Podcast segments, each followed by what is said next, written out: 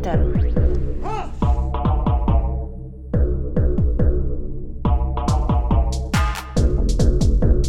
Berätta inte för mig om det svenska klassamhället. Jag har sett det. Jag har växt upp i det.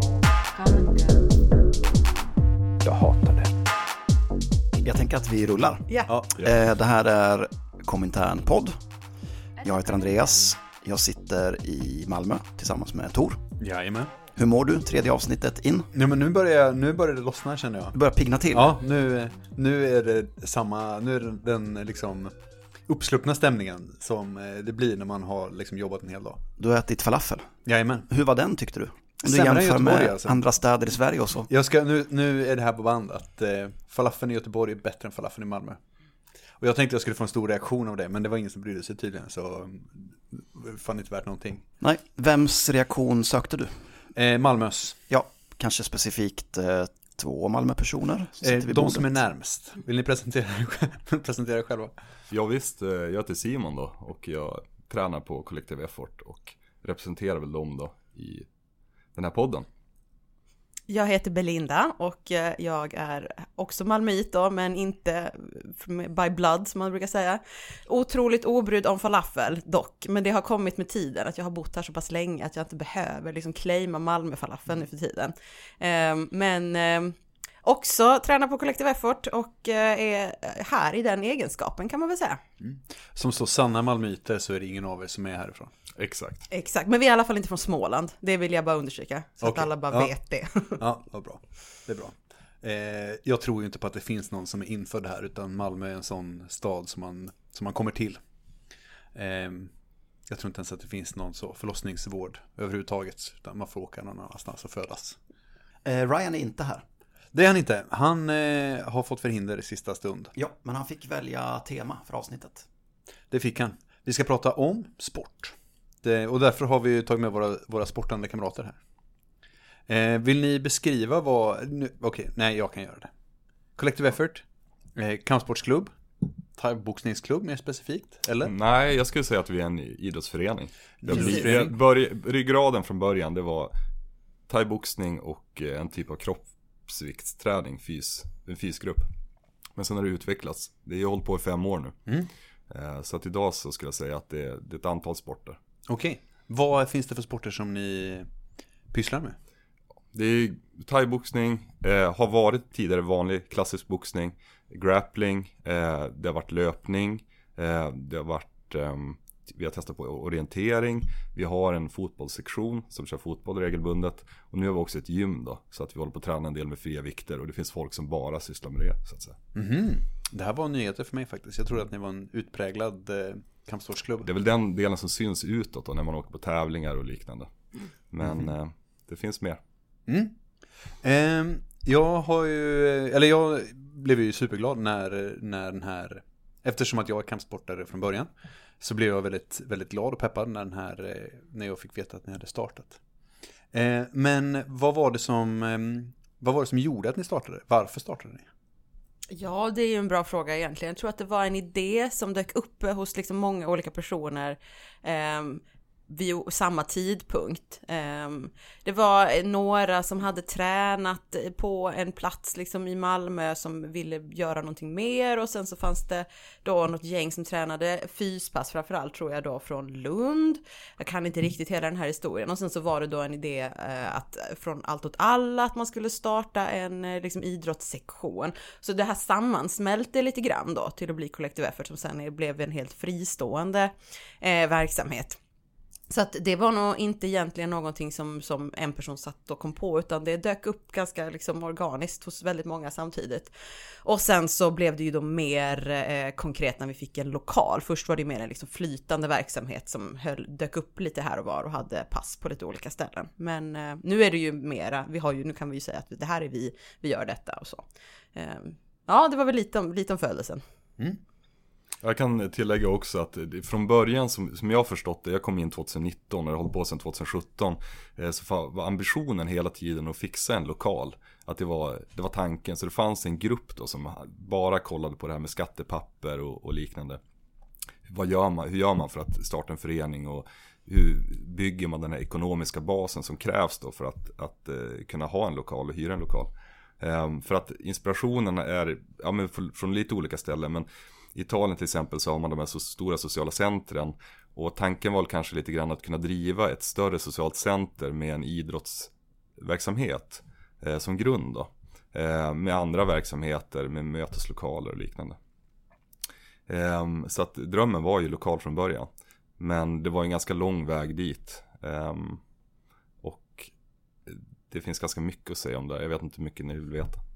Kör på. Kör, vi klipper bort dig. Eh, ja, nej men det, det var ju det här med att eh, för att kunna ha en ekonomisk grund så var man tvungen att eh, kunna veta ungefär hur många medlemmar man kunde räkna med. Säg att man har en hyra då på en, en 20 000 i månaden så ja, du måste få in de pengarna. Och då eh, började man med något som kallas för garantimedlemskap då. Så att man sa det att vi satsar på det här, men är det så att vi inte får tillräckligt många medlemmar, hur mycket kan du tänka dig betala i månaden? Hur mycket kan du tänka dig betala? Någon säger att ja men 400 kan jag tänka, tänka mig lägga på det här projektet. Eller någon säger 700 liksom. Och sen är det så då att pengar saknas i slutet av månaden. Då får man rycka in det här garantimedlemskapet då. Det här är något som inte finns kvar idag. Eh, och jag vet inte hur mycket av det som var tvunget att användas. Men det är ju så att när man tecknar kontrakt på de här lokalerna så det är ju ganska långa kontrakt. Så att det är ju ett risktagande. Men resonemanget var nog att utifall det dyker upp 15 personer som är beredda att träna liksom eh, utomhus eh, på gräset eller i leran liksom så kommer det här fungera. Kommer vi liksom ha en lokal, kommer vi kunna köpa in mattor och liknande och köra på riktigt så kommer vi ha folk. Och det har ju fungerat. Alltså vi har ju dubbelt så mycket eh, autogirobetalande idag som vi hade för två år sedan. Alltså när pandemin startade. Vi har ju lyckats ha en någorlunda verksamhet fast med restriktioner då under pandemin. Även ifall det är mycket som har blivit satt på paus då. Ehm, så det har ju fungerat. Men det är just den här ekonomiska biten. Och det kan man ju säga att det är ju verkligen ett jobb som är extremt otacksamt. Att sitta och försöka förstå byråkratin kring vad behöver vi? Vi ska vara en förening, är det en ekonomisk förening? Vad behöver vi för papper? Vad behöver vi för intyg? Eh, alla de här sakerna var ju som ledde oss fram till att vi kunde få en lokal då. Eh, skedde ju då parallellt med att vi försökte liksom styra upp träningsverksamheten och då var det ju den perioden där vi hoppade runt. Vi var i danssalar. Jag har sparrats på gräsmattor. Eh, det var ju sommaren 2018 när det var så varmt så då kunde man lika gärna vara utomhus utomhus. Vi har varit på kontrapunkt och um, under hela den här perioden då så hade vi en grupp som sagt som jobbade med just att, eh, att hitta en lösning på att, att vi skulle kunna få en lokal. Eh, och det var ju ett, eh, eh, ja, det var en jävla insats alltså. Det är fortfarande en hel del liksom förvaltning av det, men eh, just att vi kunde ha en och att vi kunde ha det här garantimedlemskapet då som gjorde oss säkra på att så vi kan satsa på den här verksamheten så blev det ju ja men succé helt enkelt. Så att eh, en stor shoutout till våran lokalgrupp innan eh, lokalen var på plats. Det var ett, eh, ett, ett hästjobb kan man säga. Alltså du, du nämnde så italienska och ja, kanske mest italienska, en italiensk inspiration liksom. Eh, och för det här är ju en, alltså med socialistiska kampsportsgrupper liksom, det är ju en eh, en tendens som har kommit i Europa de senaste det kanske bara är, är Nordvästeuropa liksom. Men, eh, men eh, de senaste kanske tio åren på sin höjd. Ehm, är det här, var det här någonting som liksom ni tog, fick ta mycket, eller tog mycket inspiration ifrån? Ehm, jag, skulle, jag sa sociala center, men det var just den här tanken på ett, en stor lokal. Men annars är det ju också de här röda gymmen i Tyskland. Alltså de kampsportsturneringarna, det är ju väldigt aktiv scen där. Ehm, men och så finns det ju också två exempel från Sverige.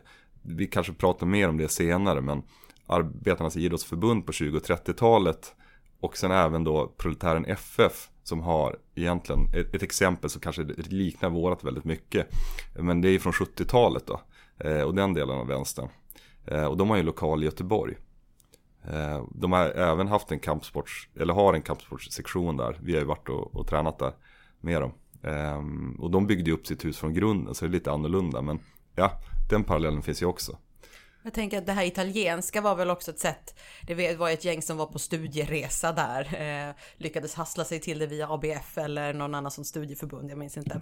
Eh, och åkte dit och tittade på de här sociala centren. Så det var väl lite kanske en ögonöppnare för många. Att så, man kan ha verksamheter som inte är, alltså som, som utgår från en plats väldigt mycket. Det kan vara saker och ting som har att göra med vad folk vill göra i sin vardag. Ja, men vi vill träna till exempel. Det är en verksamhet som vi kan göra tillsammans och liksom skapa ett kollektivt, eh, ja men ett kollektiv runt. Eh, så att det fanns fanns väl kanske med mera som en inspiration och som en tanke då som sagt på att det skulle kunna bli någonting större, att man skulle kunna ha en plats där man har många typer av verksamheter. Och så ser det ju inte ut idag utan vi har ju en, en ganska renlodad träningslokal. Men det finns ju kanske, tanken finns ju kanske kvar att knyta ihop den med andra verksamheter liksom. Mm. Det är ju alltid, eller för oss som har rest i Europa, jag har mest varit i, i Grekland och så, men, eh, men eh, att åka runt och eh, någonstans där det är varmt och låta sig inspireras är ju, det är mycket bra. Eller, Eller det är en fantastisk verksamhet liksom. Att, eh, att eh, liksom eh, både ha semester och eh, träffa kamrater samtidigt är ju svinnice.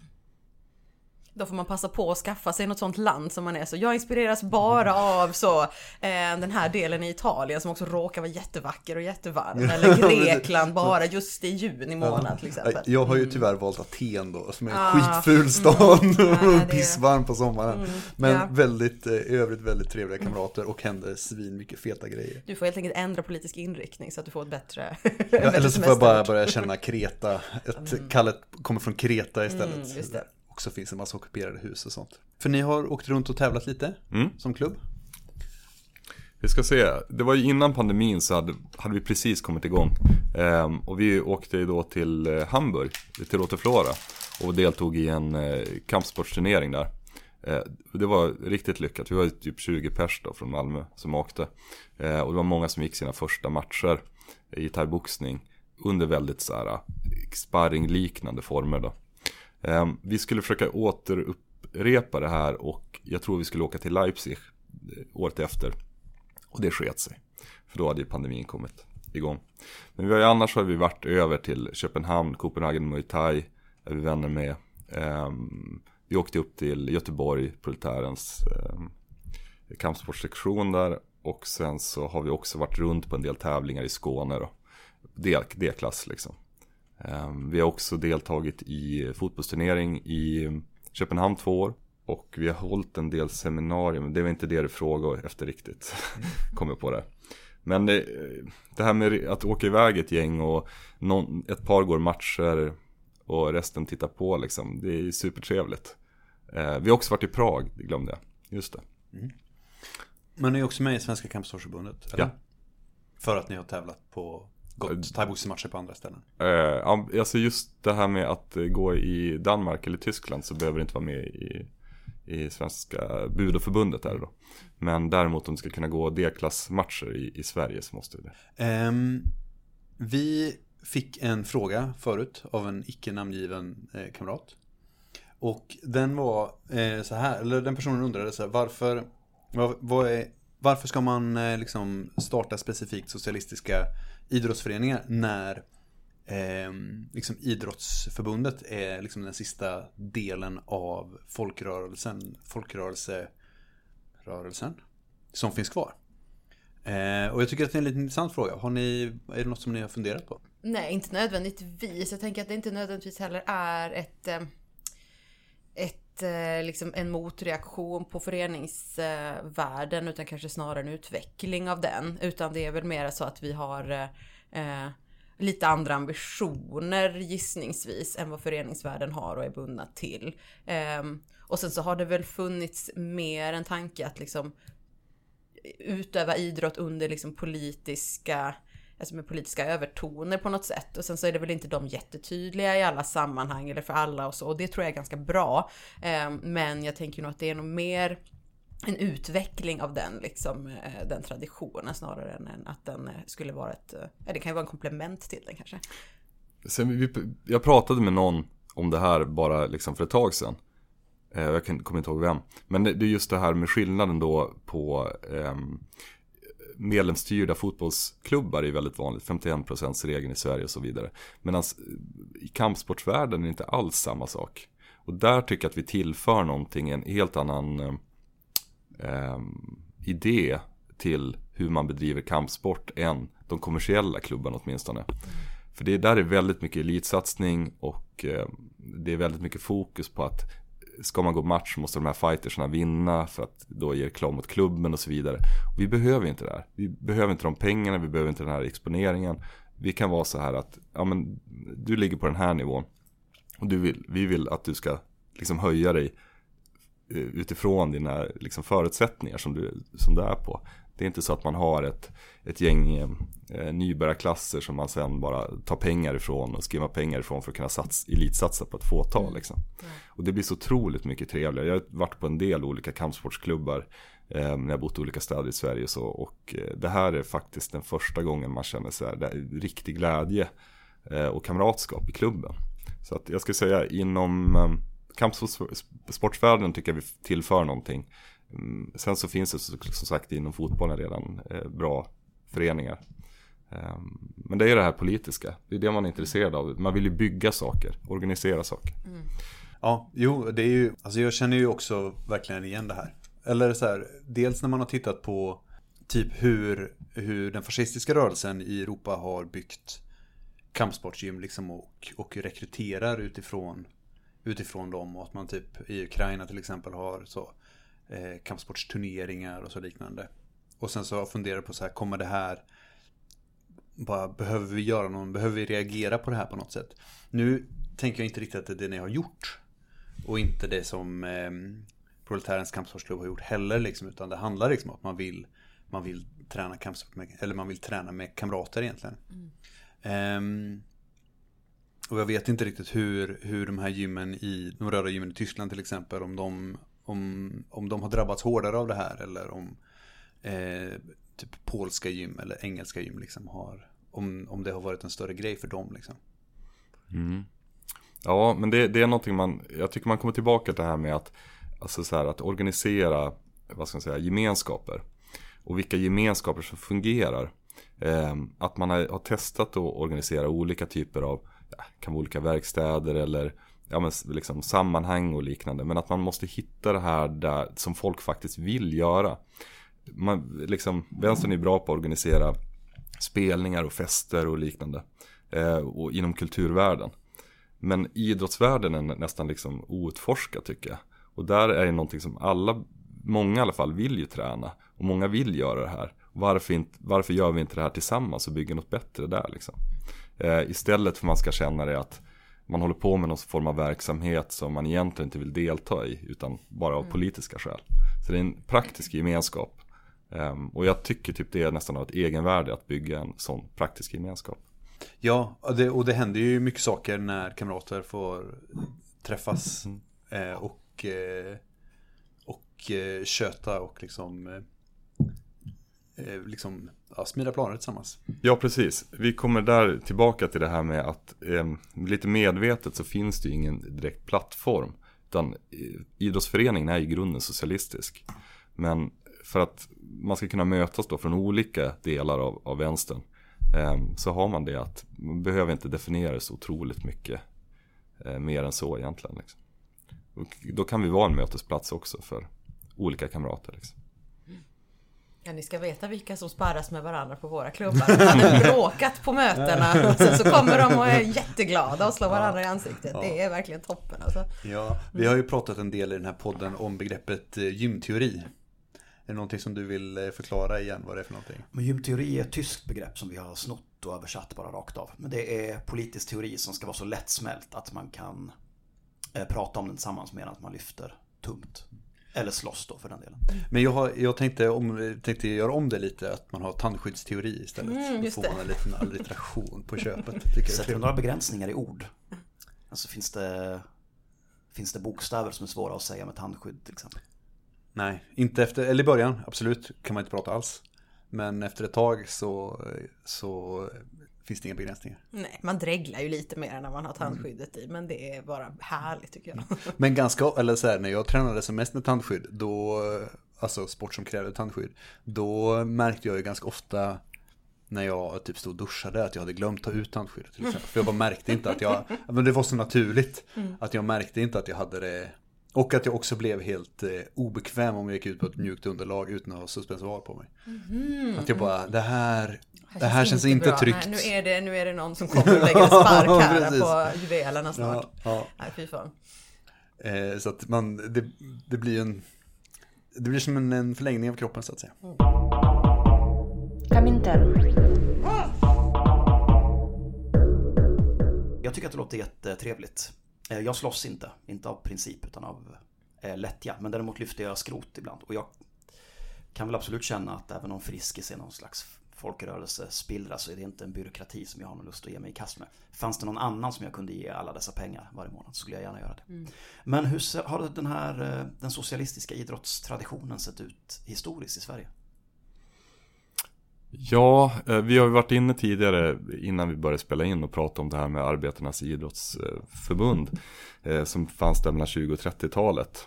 Eh, Det finns väl en klubb kvar va? Det finns det tre klubbar kvar tror jag. Men de är, jag ska inte säga så mycket mer än att en kamrat på, i föreningen har tränat i Stockholm för en av kampsportsklubbarna där. Men det här var ju ett alternativ då till Riksidrottsförbundet. Som fanns. Eh, och det var ju ganska hård stämning där under de här årtionden. Ehm, och det vart inte riktigt lika stort i Sverige som i våra grannländer. I Sverige tror jag att vi hade 8000 deltagare, mycket inom skididrott. Ehm, För att Norrland var så blodrött. ja, men, men- men också för att längdskidor är en arbetarsport i jämförelse då med utförsåkning och alla dumheter folk kan hitta på. Ehm, När, när bildades det här då? När är vi i tiden nu? Ja, det är väl det. På 20-talet så bildades då lokala eh, sådana föreningar. Men att den eh, liksom för hela nationella eh, förbundet, det var 30-talet. Alltså 1930 tror jag. Och det höll väl i sig då till 1936. Då man hade en idé om att man skulle gå in i Riksidrottsförbundet för att det var väldigt mycket eh, så här fascistiska strömningar och eh, tråkigheter där. Och man hade en tanke om att man kunde behålla medlemskapet i sina gamla föreningar. Men att man kunde vara medlem i båda då. Eh, och sen skulle man ha någon form av så här enhetsfront mot fascismen. Men 36 som sagt, utvecklingen gick ju åt andra hållet. Och att ehm, eh, istället så försvann de här arbetarnas idrottsförbund och eh, av, blev avpolitiska.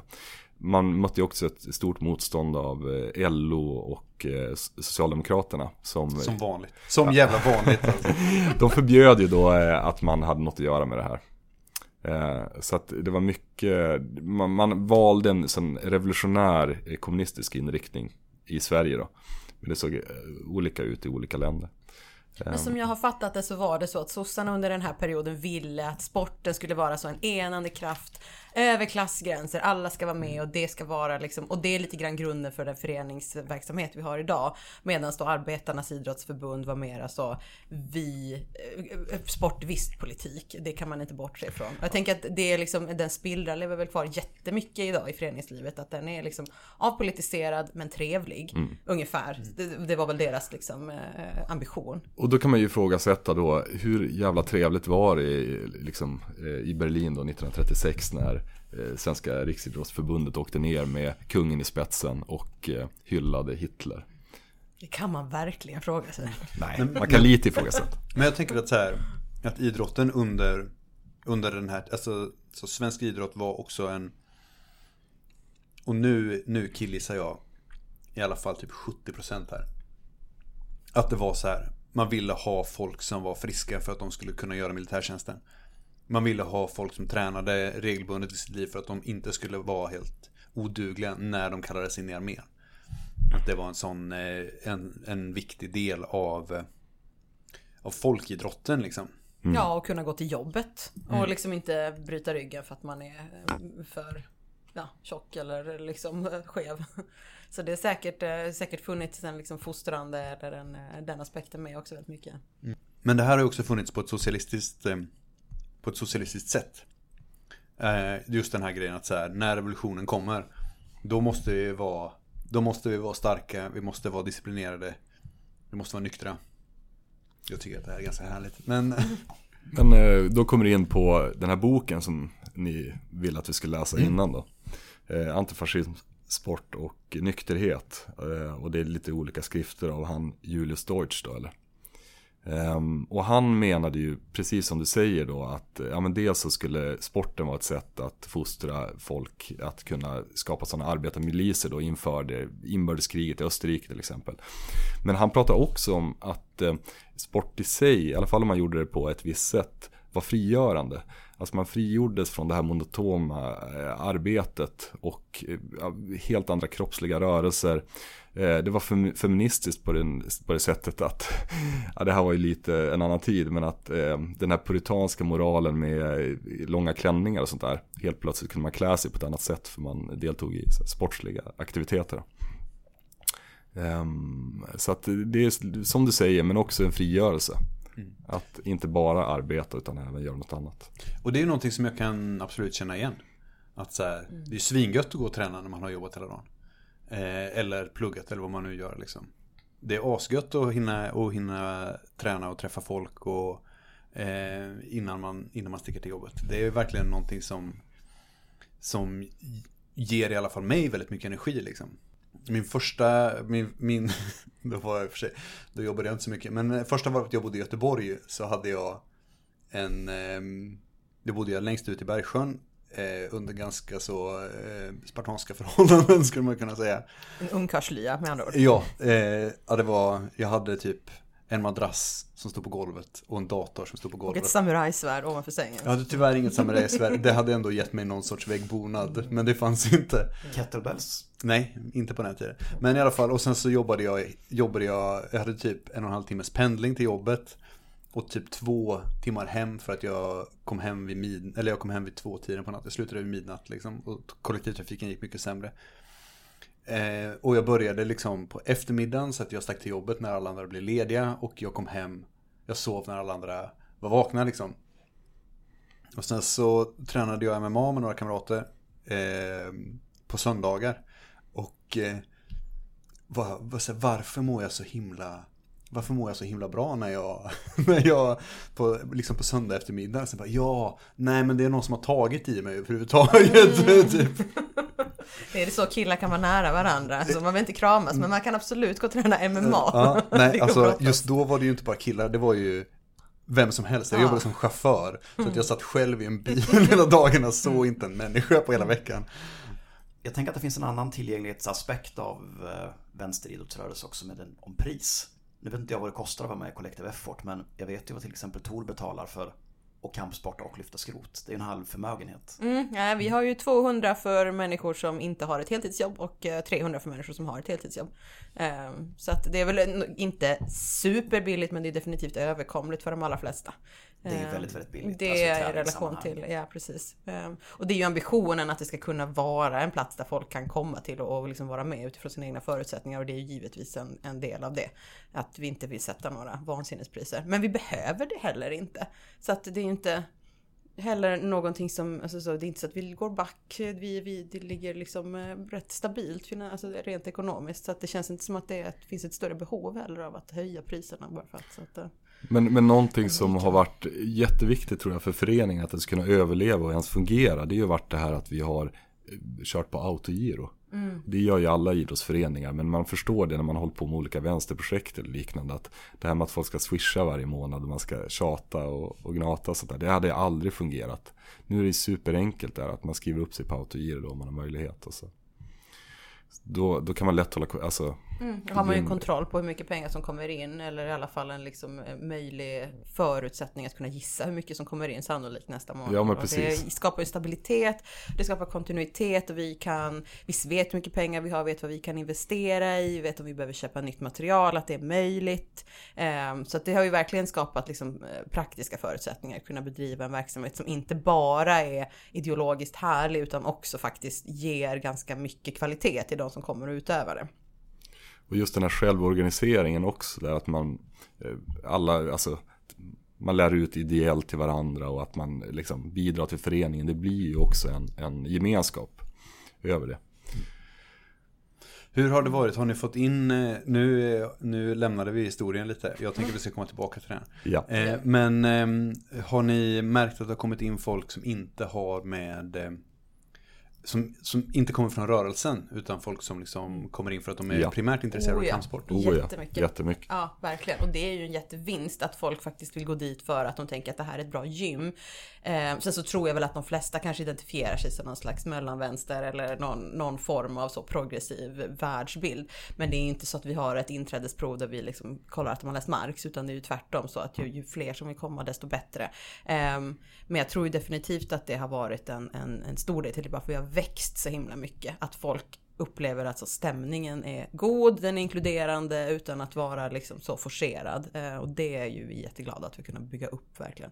För det är inte helt självklart hur man gör det.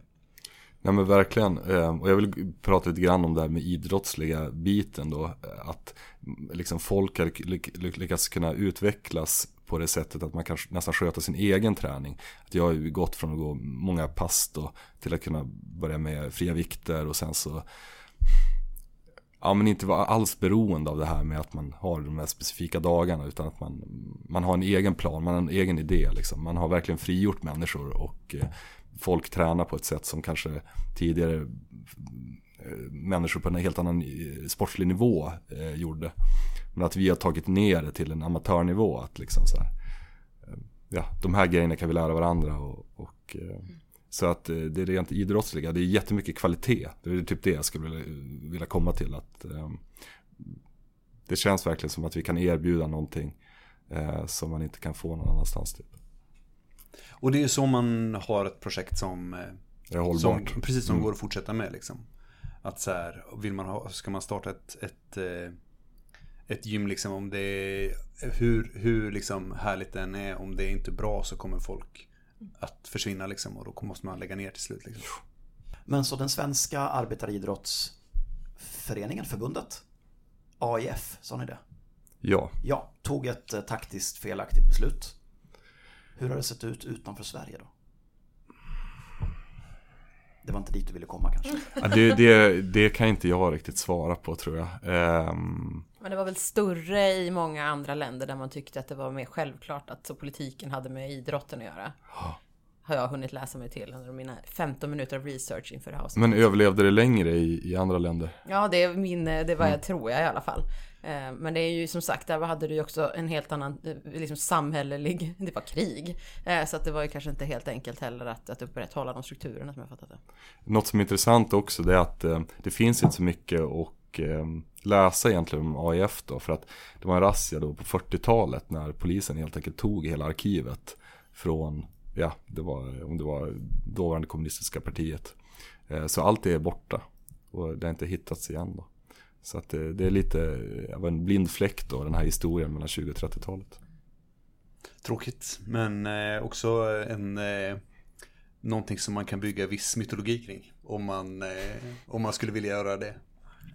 Eh, något vi pratade om innan det var ju det här eh, med eh, eh, olympiaden i Barcelona där 1936. Det, de förlorade ju mot, eh, alltså att man ansökte om vilken stad som vanligt då, eh, som skulle hålla olympiaden och förlorade mot Berlin då. Och eftersom eh, det var en, en progressiv regering då i Spanien på den här tiden, precis innan inbördeskriget så skulle man hålla då folkets olympiad som en alternativ olympiad eh, till den här offic- officiella då. Eh, och eh, det var ju massa atleter då som kom från hela, hela Europa och världen också. Eh, och precis innan de skulle starta så utbryter ju då in, spanska inbördeskriget. Och då väljer ju en del av de här att stanna kvar i, i Barcelona och slåss. 200 pers, 200 atleter då, väljer att stanna. Det är ganska häftigt tycker Mm. Det är ju, det är ju en timing som är som är filmisk liksom. jag. Ja men precis, ja men vi kör liksom. Mm. Eh, vad undrar, man, man vill gärna spekulera i vad det var för vad det var för atleter liksom. Eh, fanns det någon skytte, liksom var prickskytte en, en gren som det har ändå varit en OS-gren med jämna mellanrum liksom. Eh, annars vet jag inte, löpning kanske. Det var hela diskgolflandslaget som stannade. Men visst har det sen funnits en tradition av parallella olympiader, eller hur? Ja, Sovjetunionen de hade ju fram till eh, 51 kanske eh, Spartakiaderna eh, som var då deras alternativ.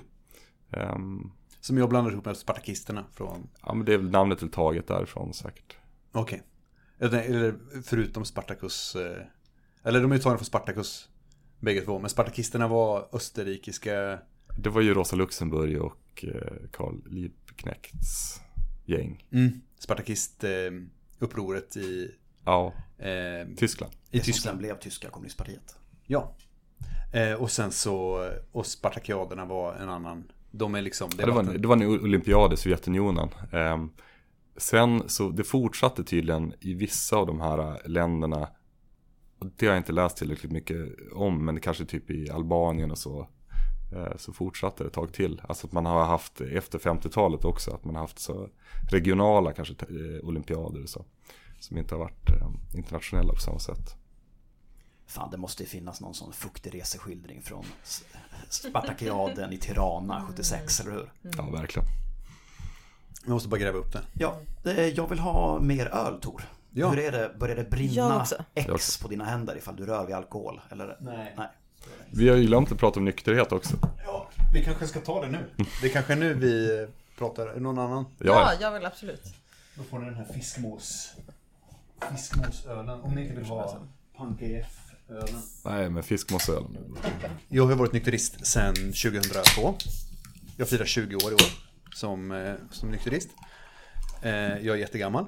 Men någonting som den autonoma rörelsen har eh, gett mig. Jag är också ganska så, trivs inte så bra i krogmiljö och så. Tycker att det ofta är för hög musik och ja, svårt att föra samtal med folk och blir lite socialt ängslig. Liksom vet inte vem jag ska prata med och sådana saker. Till skillnad från någon HC-spelning i en källare i Linköping. Nej, eh, inte alls faktiskt. Jag har precis samma problem där.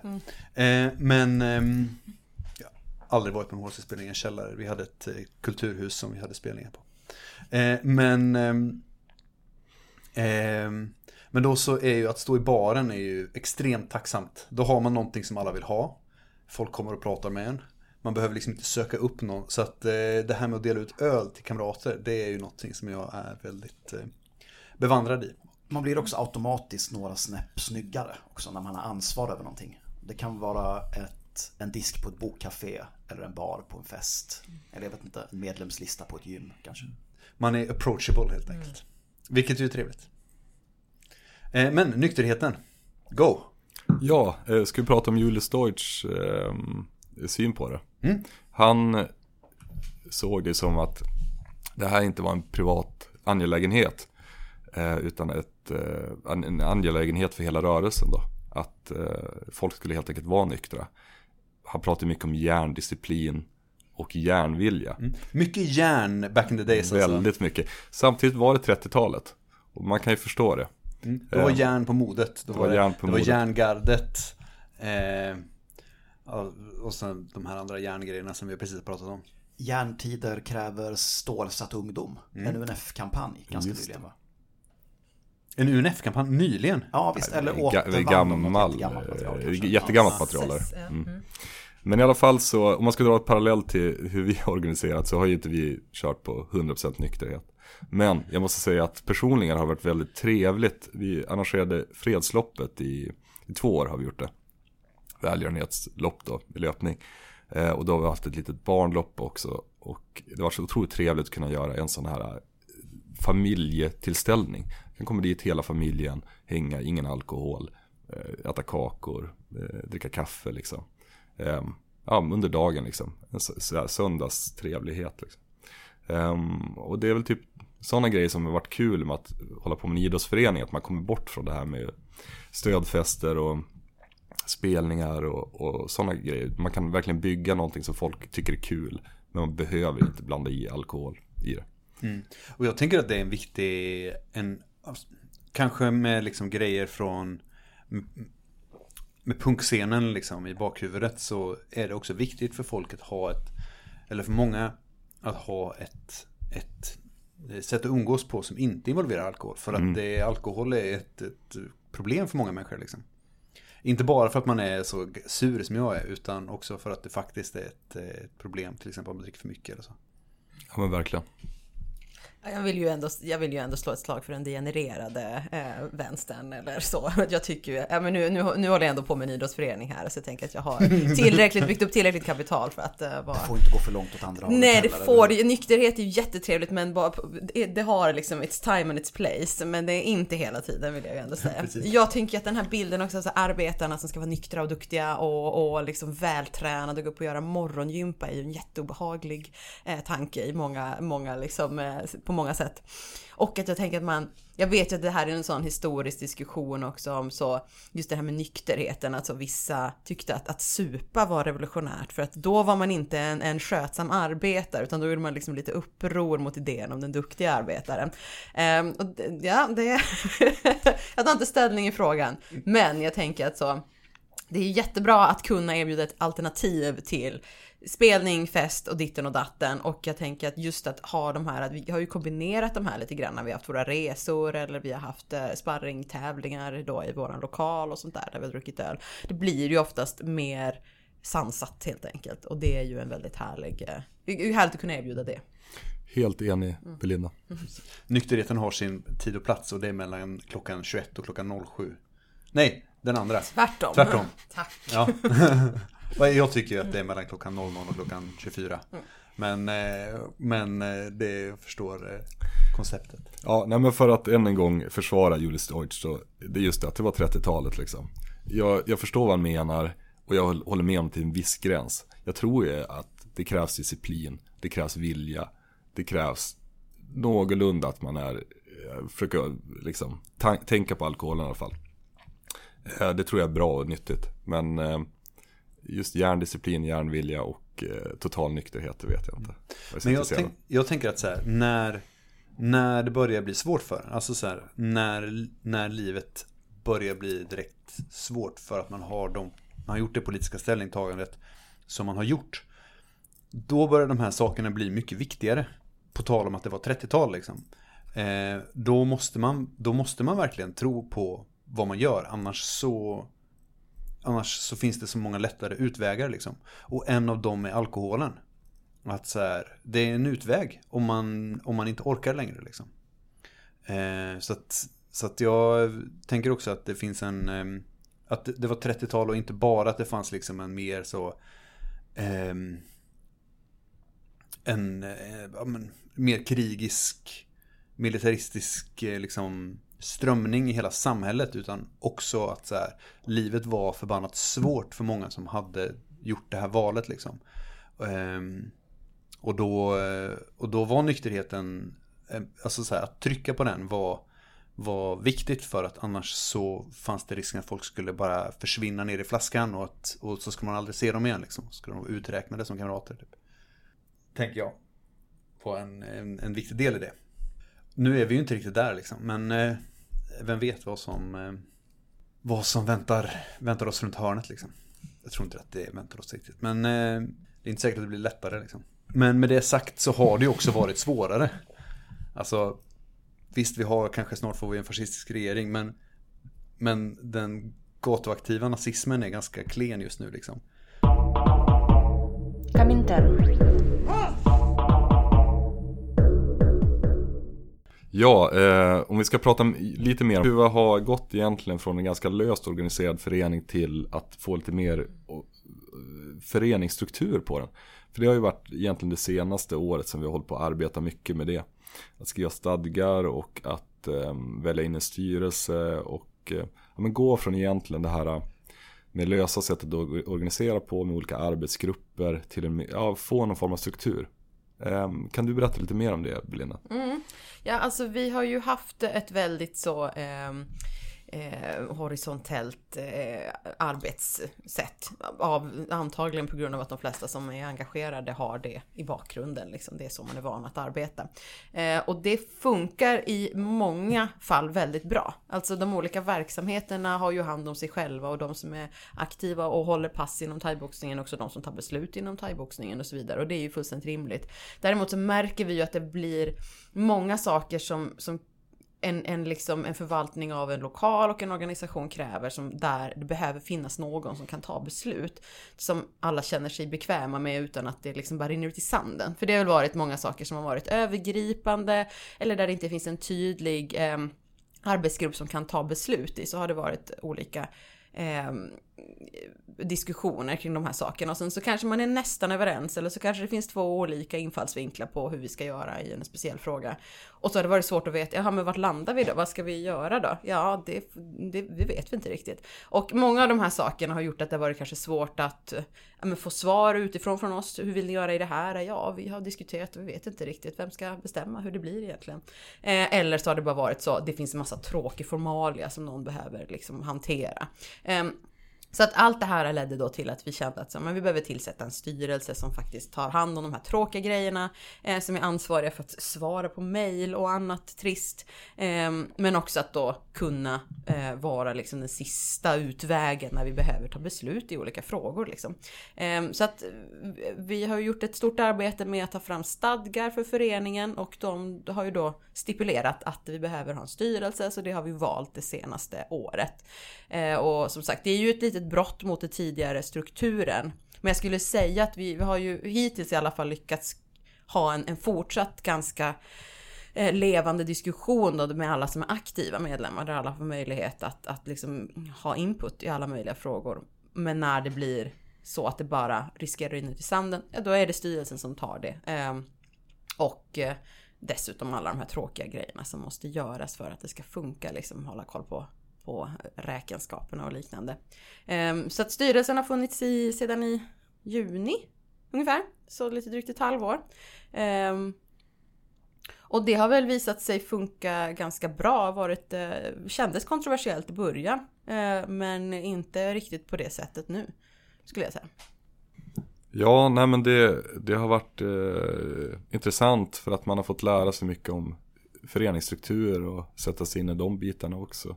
Jag tror att det är liksom allting som vi gör i föreningen är liksom en resa för många. Att man börjar lite från noll. Saknar väldigt många vita fläckar eh, i, av kunskap. Men att man tillsammans blir, kommer framåt till slut då. Så vi får se, allt är ju under utveckling hela tiden. Eh, men eh, jag tycker att det känns stabilt nu, mer stabilt än det gjorde för ett år sedan. Mm. Jag har en fråga. Hur tror ni att Malmös geografi har spelat in i... Nu vet jag inte var lokalen ligger. Men, men Malmö är ju en, en ganska stor stad på en väldigt liten yta. Liksom. Mm, Hur tror ni att det har spelat in i eh, möjligheten att dra ett sånt här projekt? Jättemycket. Ja, verkligen. Vi har ju en någorlunda billig lokal som ändå är relativt central. Det tror jag inte är möjligt i Stockholm eller Göteborg till exempel. Eh, och folk har lätt att ta sig till den oavsett var i stan man bor. Här är det ju, det är som man cyklar ju överallt, ni vet ju, nu har jag varit här och hälsat på.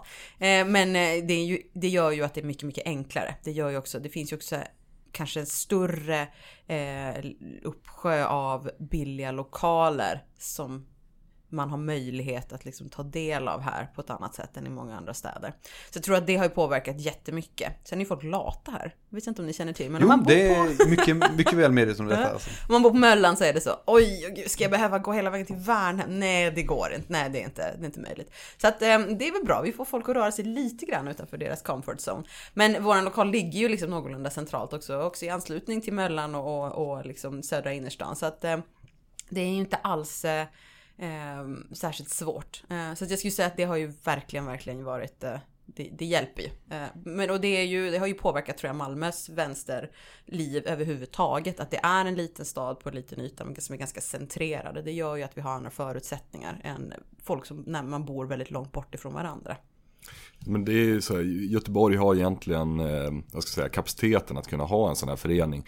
Men att proletären FF till exempel har lite svårare för de ligger så långt utanför stadskärnan. Och de olika förorterna i Göteborg är ju ganska isolerade från varandra. Samma sak i Stockholm och där har de också problemet med jättehöga lokalhyror. Men jag hade ändå önskat att det togs fler sådana här initiativ i andra städer och, och, om man på något sätt är intresserad av att försöka göra något liknande så tycker jag att man hör av er till oss så kan vi försöka hjälpa i alla fall på något sätt. Mm, eh, för vi, vi vill ju ha fler idrottsföreningar som vi kan tävla mot eller eh, dela erfarenheter med. Så fem år nu Törs ni drömma om vad ni är om fem år till? Oh, spännande. Ja, för fem år sedan så som sagt, då sparades vi på gräsmattor eller i danssalar.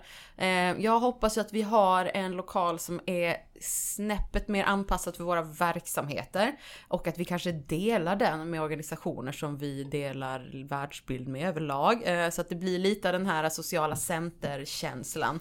Eh, och att det skulle ju då kunna ge liksom en hel del mer eh, värde. Vi skulle kunna liksom skapa andra saker om vi har den, den möjligheten att ha liksom en plattform. Det är ju min förhoppning att det ska bli en plats där folk rör sig på i många olika syften.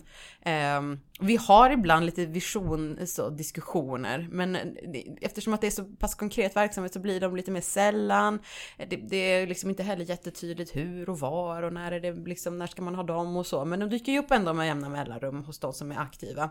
Ehm, och det här är väl någonting som finns med ganska närvarande hos många i alla fall. Eh, och sen så har vi alla olika bilder av hur det ska se ut. Men det är min förhoppning i alla fall att vi har liksom eh, gjort oss en plats som är mer eh, etablerad och det som vi delar med fler. Det hade varit riktigt grymt tänker jag. Och sen så hoppas jag att vi har gått jättemånga mer matcher, vunnit jättemycket mer. Även om vi nu inte är en elitförening så är det jävligt kul när man ser att ens kamrater vinner matcher, måste jag säga. Det är ännu coolare om man vinner lite på slentrian. Just Alltså det. att man inte riktigt Ah, bryr sig. nej, man bara så jaha, jo, jo, just det. Vi gick match igen i helgen och våra fighters vann. Jättebra, jättehärligt.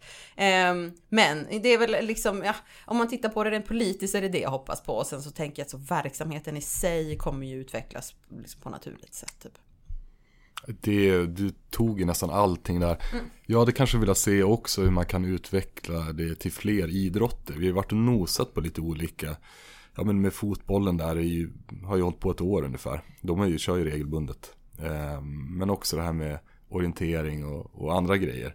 Liksom vad är, eh, vad är begränsningen egentligen? Hur långt kan man nå? Vad kan man testa för, för olika? För att det, allt handlar om att ta egna initiativ. Vi har haft olika sektioner som har kört liksom typ ett halvår och liknande och testat på olika saker. Att man har en grupp som är ute och kör långdistanslöpning och liknande.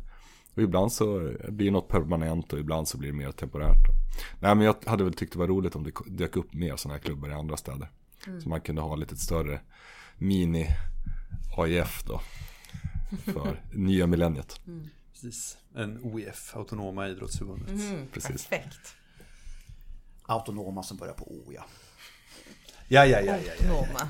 Oh, autonoma. Ja, eh, Eh, har ni något mer som ni tycker att vi har missat som ni absolut vill trycka in?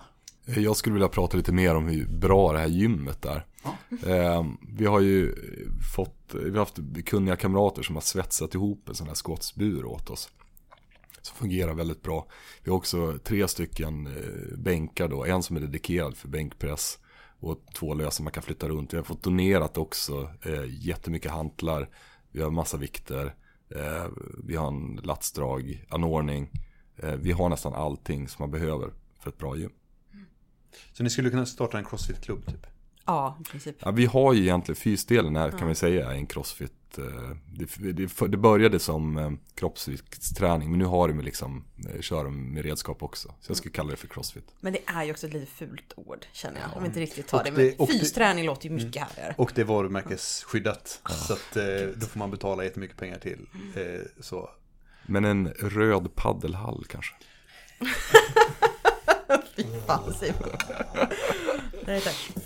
Ja, en sak som jag skulle vilja eh, eh, flika in här är ju lite att jag tänker att liksom våran eh, vision och, och hur vi tänker kring liksom deltagande och sånt där är ju väldigt, alltså vi är ju inte en klubb som domineras som många andra kampsportsklubbar eller som många andra träningsklubbar liksom, överlag, kanske crossfitklubbar också väldigt mycket, av 25-åriga vältränade så, killar med ADHD till exempel, är ju väldigt vanligt om man går på andra eh, kampsportsklubbar. Utan vi är ju ett gäng som kanske, alltså jag har ju aldrig varit intresserad av idrott. Alltså aldrig någonsin, jag hatade det. Jag har alltid tyckt att det är skitjobbigt. Och nu sitter jag och drar liksom i den här idrottsföreningen. Och det tänker jag får någonstans vara liksom ett, eh, hoppas att det syns utåt att så, vi är lite kantstötta. Eh, vi har en ganska hög medelålder, även om det är många unga som har börjat träna och så. Så att det finns, det finns liksom verkligen en, en eh, inte en, en så enhetlig bild av hur man behöver se ut eller vad man behöver prestera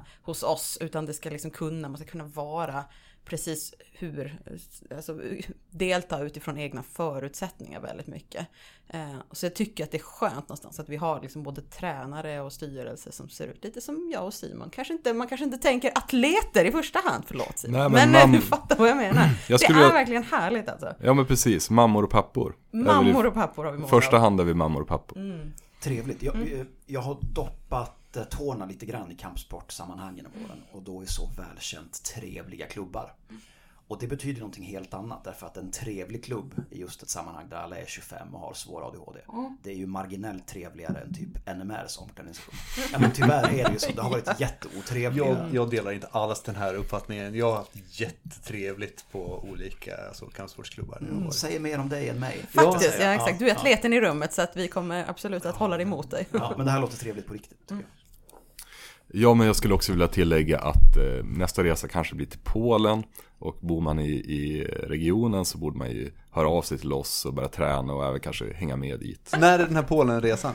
Eh, Den är eh, 11 juni. Nice.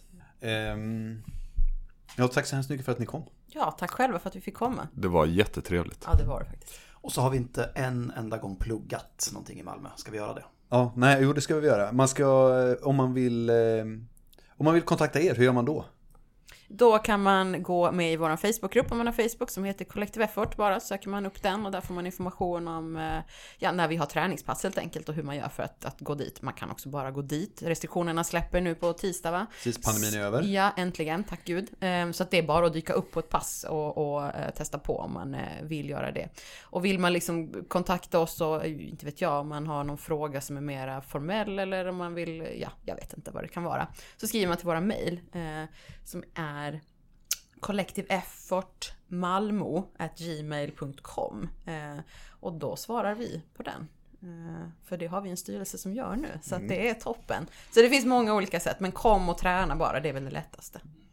Och om man vill ha kontakt med oss Då skriver man till kominternpodd.gmail.com Och, eh, eller så kan man eh, titta på bilder från vår trevliga Malmöresa i, på vår Instagram. Just det. Och om man vill att vi ska kunna resa mer, då kan man bli Patreon också. Det finns ett avsnitt om idrottens klasskaraktär ute nu. Det man kan lära sig då till exempel varför längdskidåkning är proletärt och klättring är borgerlig individualism. Precis. Eh, I framtiden kommer man kunna höra mig recensera eller prata om valda delar av alla Hamilton-böcker.